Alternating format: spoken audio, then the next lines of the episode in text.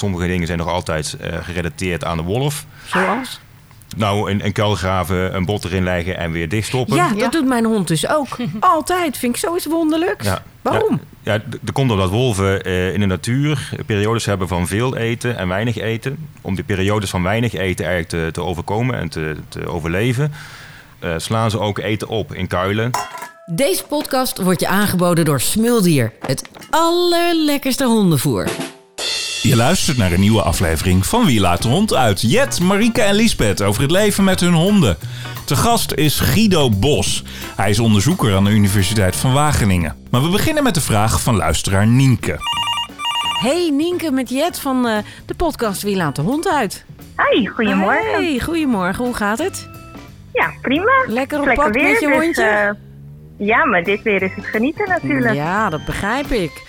Zeg, uh, ik heb begrepen dat jij een hele leuke vraag hebt voor ons. Ja, ik heb een vraag um, over voeding. Ja. Uh, namelijk, um, als je kijkt naar wolven, die uh, vangen hun prooi en dan eten ze het op. Um, en dan eten ze eigenlijk geen granen, rijst of mais of dat soort dingen. maar als je kijkt naar wat onze honden eten, ja, dan heb je toch wel vaak brokken waar dat allemaal wel in zit. Dus ik vroeg me af, ja, in hoeverre is dat eigenlijk natuurlijk en in hoeverre verschillen hun uh, spijsverteringsstelsels dan van elkaar of niet? Of ja, hoe zit dat precies? Ik vind het een goede vraag. Zeker met uh, de opkomst van de wolf in Nederland, uh, Nienke. Nou, dat hebben we inderdaad ook nog, ja. Ben je er wel eens eentje tegengekomen? Nee, nee dat, uh, ik moet zeggen gelukkig niet, nee. Nee, nee. die moet je ook lekker gewoon in het wild laten lopen. En, Zeker, um, maar het zijn prachtige dieren. Zo, ik wou het even zeggen. Maar goed, dat zijn onze honden natuurlijk ook, Nienke. Even tot slot. Absoluut. Wat voor hond heb je? Uh, mijn uh, hond heet Sox en die uh, komt uit Turkije. En, ah, je dus hebt ook een, een voormalig zwervertje. Ja, een voormalig zwervertje, zeker, ja. Oh, dat zijn de allerliefste, hè, zeggen ze wel eens. Ja, dat ja nou, wat mij betreft wel. Dat zeg ik uh, ook gewoon omdat ik er zelf ook een heb. Oh, echt? ja, ja, ja, die van mij die komt uit Griekenland. Dus die gooit oh, al het uh, servies uh, kapot, maar dat geeft niet. Oh. Dat is helemaal niet erg. hey Nienke, hartstikke leuke vraag. we gaan ermee aan de slag, dus blijf lekker luisteren. Oké, okay, helemaal leuk. Geef je hond een aai over zijn polletje. Zal ik doen. Oké, okay, dankjewel. Doei. Doei. Hoi, ik ben Marieke. Mijn hond heet Mila en ze is het allerbeste maatje die ik me zou kunnen voorstellen. Hallo, ik ben Jet. Mijn hond heet Poppy en ze was een zwerver, maar is nu de koningin van Rotterdam. Hallo, ik ben Liesbeth en ik heb Rafiek meegenomen waar ik per ongeluk zes jaar geleden verliefd op werd. Ja, en één ding hebben we allemaal gemeen. Wij hebben allemaal het allerleukste hondje van de hele wereld. Dat zeker. Wie laat de hond uit? Woef, woef, woef, woef. Wie laat de hond uit? Woef, woef, woef, woef. Wie laat de hond uit? Aflevering 35 Hond versus Wolf. Ja, en dat uh, is niet helemaal toevallig, want uh, aangeschoven is uh, Guido Bos straks. Hij is onderzoeker en docent aan de Universiteit van Wageningen. Hij weet veel over hondenvoeding en heeft ook nog eens onderzoek gedaan naar wat wolven eten in relatie tot wat honden eten. Um, maar daar gaan we straks mee praten. Heb jij enig idee, Liesbeth? Wat de wolf eet? Ja? ja? Mouflon heb ik net uit de krant gelezen. Mouflon? Nou ja, de mouflon in de Veluwe wordt bedreigd in zijn stand... Uh, doordat daar nu wolven rondlopen. Jij bent goed op de ja, hoogte. Joh. Heb jij wel eens mouflon gegeten? Nee. wel springbok is hartstikke lekker. Oh, echt waar? Ja. Wat gek. En jij, uh, Mila? Uh, ik heb, wat bedoel je precies? Jij en Mila? uh, nou ja, ik kan wel vertellen wat Mila natuurlijk ja. eet. Uh, want daar hebben we best wel wat problemen mee gehad. En ik dacht altijd, nou, een hond die eet gewoon hondenbrokken en niet te moeilijk doen. Alleen zij heeft toch achteraf, waar we nu achter zijn, wel ergens een intolerantie voor. En we zijn nu aan het uitfilteren, wat is het dan precies? Maar ik ben er echt wel achter gekomen hoeveel invloed voeding kan hebben op nou ja, het welzijn van je hond, maar ook het gedrag. Want wij konden het probleemgedrag eigenlijk niet plaatsen wat ze had. Mhm. Totdat we nu echt een voeding hebben die goed bij haar aansluit. En we zien gewoon eh, over het algemeen een gelukkigere hond. En daarvoor gaven we ook voeding waarvan we dachten dat is prima van kwaliteit. Alleen blijkbaar heeft er iets ingezeten wat ze niet goed kon verdragen. Waardoor ze heel veel buikpijn waarschijnlijk heeft gehad. En dat uitte zich alleen in probleemgedrag. En niet dat je er verder iets in zag. Dus ik denk dat voeding zeker iets heel belangrijks is. En zeker iets om je goed op te richten. En te gaan kijken wat is het beste. natuurlijk. Als je goed voor, voor je beestjes uh, wil zorgen, dan wil je het juiste, de juiste voeding hebben. Maar ja, er wordt natuurlijk heel vaak gezegd ook: hè, honden stammen af van wolven. Nou, de ene hond zal dat iets meer hebben. Ik denk het Chihuahua bijvoorbeeld iets minder uh, dan, een, dan een herder. Maar dat is gewoon een, een wild guess. Want zoveel verstand heb ik er dan ook weer niet van. Maar ik kan me wel voorstellen dat je daarmee ook uh, je voeding af moet stemmen. Heb jij daar ooit over nagedacht, Lisbeth? Nee, het enige wat de vraagsteller ook doet, dat ik dacht... heb ik een hond ooit graan zien eten? Ja. Hij eet wel gras. Als het boven de 12 graden is, eet hij de puntjes netjes ervan af. Is lekker zoet, zeggen een grasmaaier. Nou, een soort koetje. Ja. Dus ik heb wel graanvrij eten gegeven. Want ik dacht, dat eten nog niet in het wild. En ik denk ook niet dat hij nodig heeft, maar ik heb er eigenlijk niet zoveel verstand van. Ja, maar goed, mijn hond eet ook een broodje shawarma. Als je, als je het... Uh, ja, weet je, dat, dat ja, en ik denk ook, in het wild ook niet. Als je kijkt naar jullie honden, hoe die op straat misschien hebben geleefd... en wat ze dan eten, dan is het ook niet dat ze denken van... oh nee, dit is een broodje, dit eet ik niet. Want, nee, ja, dan... zij eet echt alles. Dat heeft ze nu nog steeds. Als ze langs een uh, vuilnisbak loopt, dan denkt ze... ah, diner. Maar dat, is, dat slaat natuurlijk nergens op. Dat heeft niks te maken met uh, een hond in het wild. Het heeft gewoon te maken met overleven, denk ik dan. Ja, maar hij heeft nooit op straat gewoond. Die komt in, uit een gezin waarschijnlijk in een ah. doos. Dus die is niet op straat, uh, is niet op straat gevonden. Ja, nou goed, ik denk dat we gewoon eens even gelijk overschakelen naar onze expert van vandaag. Niet helemaal toevallig in combinatie met uh, de vraag. Uh, ja, jij weet daar heel, van, heel veel van, uh, Guido. Fijn dat je er bent. Um, wat kun jij vertellen over uh, de vraag die Nienke heeft gesteld? Die, dat, dat granen bij de, die nu in hondenvoeding zitten. Maar wat wolven natuurlijk waarschijnlijk uh, niet op die manier eten zo. Dat kom je niet tegen, denk ik, in het wild. Nee, dat klopt. Uh, ja, als je kijkt wat wolven in de natuur eten, zijn het voornamelijk grote prooien. Dus even hoevig noemen we dat. everzwijnen. Moeflon. Moeflon. Heb ik net ja, gehoord, ja. ja. Elanden. ja. ja dat, dat soort dieren. Uh, maar ze zijn ook opportunistisch. Ze eten ook wel kleine prooien.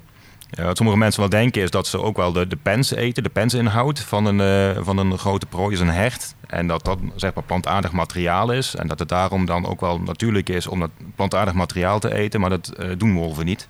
Ze eten niet de pensinhoud, misschien wel de penswand of de darmwand, maar niet de inhoud.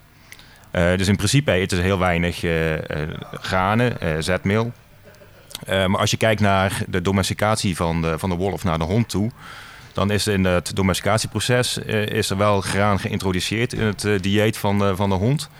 En over de tijd heeft de hond zich ook daaraan aangepast. Dus als je naar de verteringsfysiologie kijkt, dan zie je ook dat de, de hond een verhoogde capaciteit heeft om zetmeel te verteren. En om de glucose die vrijkomt te gebruiken. Uh, maar dat is dus echt in de loop der tijd uh, aangepast. Ja. Dat is bijzonder. Ja, dat is wel uh, tienduizend, nou nee, niet tienduizenden jaren, duizenden jaren. Ongeveer 40.000 jaar geleden is de domesticatie van de, van de wolf begonnen. Ongeveer 15.000 jaar, 12.000 jaar geleden zijn wij ons eigen dieet gaan aanpassen. Zijn we ook granen gaan cultiveren enzovoorts. En toen is ook de dieet van de hond mee veranderd. En uh, hebben de honden waarschijnlijk ook wel uh, eten van de mensen mee kunnen, kunnen nuttigen. En op die manier hebben ze steeds meer zetmeel gekregen. En ja, zie je dus ook in het genoom, dus in het DNA van de hond, zie je dus aanpassingen. Aha, dus... Maar heeft die hond het nodig? Uh, zetmeel kan je gewoon gebruiken als energie. En energie heb je nodig. Ja, maar het, het is niet zeg maar als je een, een, een voeding hebt zonder graan, dat het dan iets ontbreekt. Dus dat is niet, uh, niet aan de orde. Dus, dus je als je een hond eigenlijk alleen maar vlees zou geven, zou dat ook helemaal geen probleem kunnen zijn? Uh, afgezien van de minera eh, mineralen en vitamines en, en dergelijke, dan zou dat geen probleem moeten zijn. Nee. Oh, Oké. Ja, ik sta er eigenlijk toch wel van te kijken dat uh, um, ja, de, de, hond stamt natuurlijk wel af van, van de wolf. Maar dat dat dus door de loop der jaren, en het duurt wel even, maar dan krijg je dus eigenlijk toch gedeeltelijk een ander dier. Een beetje wel, ja. Uh, het is wel wat anders, ook qua gedrag, uh, qua grootte. Die, die honden die gedomesticeerd zijn, die waren ook kleiner dan de grote, grote wolf. Qua gedrag zijn ze natuurlijk ook anders. Uh, ze zijn wat meer juveniel eigenlijk in hun gedrag, dus meer wolvenpup-achtig. Ehm, ja, dus er zijn heel veel veranderingen eigenlijk door die domesticatie gestart. En daar ja, zie je nog altijd wel ja, dingen in, in onze eigen hond. Sommige dingen zijn nog altijd gerelateerd aan de wolf. Zoals? nou, een, een kuil graven, een bot erin leggen en weer dichtstoppen. Ja, dat doet mijn hond dus ook. Altijd. Vind ik zoiets wonderlijks. Ja. Waarom? Ja, er komt omdat wolven uh, in de natuur periodes hebben van veel eten en weinig eten. En om die periodes van weinig eten eigenlijk te, te overkomen en te, te overleven, uh, slaan ze ook eten op in kuilen. Dus dat ze eten een grote prooi, brengen het, dus eten ze op, brengen ze naar een bepaalde plek toe, graven een kuil en beraken het op. En dan doen ze twee afdekken. En later, als er weinig eten is, kunnen ze twee gaan ophalen en, uh, en opeten. Maar er zijn toch ook verschillende ideeën van hoe de wolf uiteindelijk tot hond is gekomen? Zeg maar hoe de domesticatie heeft plaatsgevonden. Ja. Uh, heb jij daar een idee van wat het meest aannemelijke is? Ja, daar zijn inderdaad eh, verschillende theorieën over. Vanochtend heb ik nog een artikel gelezen. En de meest aannemelijke is eigenlijk dat de, de mensen ook wel wolvenpups hebben genomen, gesocialiseerd. Uh, en ja, gaandeweg hebben die pups, die ook wel dichter bij de mensen zijn gebleven, uh, een relatie hebben opgebouwd, ook een functionaliteit gekregen in bewaken bijvoorbeeld van territorium, van een, uh, van een nederzetting bijvoorbeeld. Uiteindelijk ook misschien wel geholpen met, met jagen. Um, dus er is een, echt een band ontstaan en een, een waarde ook voor, de, voor de mens dat de, dat de hond had, of de, de eerste protohond, zoals ze worden genoemd. Ehm, en daar, als het waarde heeft, dan ga je ook wel eten delen. Dus dan zorg je ook wel voor dat daarvoor uh, gezorgd wordt. Um, ja, en zo is over de jaren heen uh, een relatie ontstaan. Uh, waarschijnlijk ook selectie voor bepaalde kenmerken. En ja, dat heeft geresulteerd in de honden die we tegenwoordig hebben. En de theorie dat ze naar de afvalplaatsen toe zijn gekomen, maar dat mensen meer in nederzettingen zijn gekomen. En dan dat die wolven die het minst schuw zijn, steeds dichterbij durven te komen om daar het eten te pakken. Is dat, uh, gaat dat ermee samen of is dat een hele aparte. Ik denk wel dat er sowieso uh, aardig veel dieren op af kwamen natuurlijk op het moment dat er... Dat, is, dat zie je nu denk ik ook nog wel als je in Afrika op vakantie bent... dat daar dieren op afkomen, dat ze weten dat daar iets te halen is. En dat is ook een bekend verhaal met beren. Dus ik vermoed dat dat uh, ook wel uh, met wild uh, te maken heeft. Alleen, ja, een olifant domesticeer je niet zo heel makkelijk. En met een wolf is dat dus blijkbaar toch makkelijker geweest. Die samenwerking ook met de mens.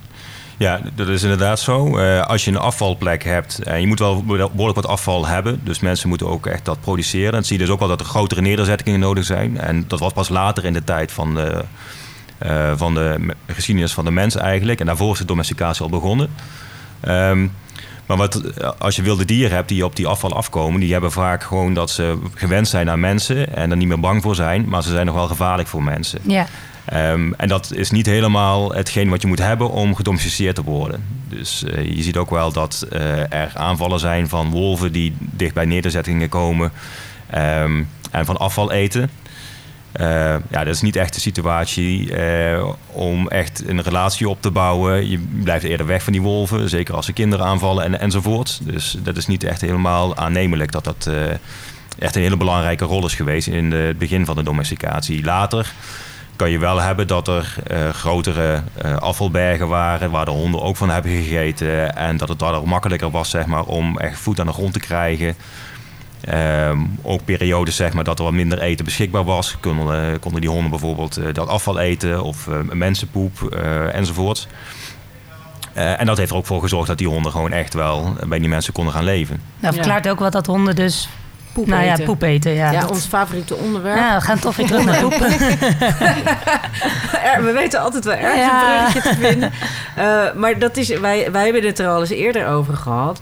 Uh, mijn hond wil nog wel eens uh, het, het, toetje uit, uit de kattenbak vissen. Mm.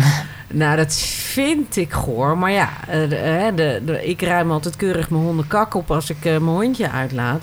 Maar katten in de buurt, die kakken gewoon overal. Die zien, die zien die hele wijk als een soort kattenbak. En dat eet ze dus ook op. En ik hoor alle hondeneigenaren daar eigenlijk altijd over klagen. Waarom eten die beesten die kak op? Want ze eten ook mensenkakken op. Ja. Ook zo goor. Uh, daar kunnen ze ook heel ziek van worden. Maar dat komt dus gewoon omdat ze van de wolven afstammen. Of dat zou kunnen. Uh, ik, denk niet zozeer van de wolf, maar wel in de periode van domesticatie. Ja. En uh, er zijn geen wetenschappelijke bewijzen voor. Maar je ziet wel dat honden ook in andere, meer primitieve nederzettingen veel mensenpoep eten. Dus het kan heel goed zijn dat het een soort van supplement is geweest op het rantsoen of het dieet, zeg maar, wat ze in die periode hadden. een en supplement, hè? Dan denk ik echt aan vitamine. Maar ja, dat zal misschien er, er ook, vitamines in poep. Ja, dus, precies. Ja. Ja. ja. en het heeft veel, uh, veel eiwit, microbiële eiwit. Dus uh, ja, het, het heeft gewoon voedingswaarde.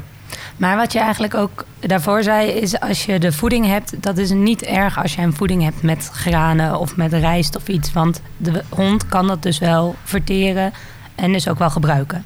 Ja, ja, dat zie je ook wel bij katten bijvoorbeeld. Die zijn uh, niet zo gedomesticeerd als de hond. Die zijn veel uh, meer carnivoren nog. Uh, dus die hebben die aanpassingen niet.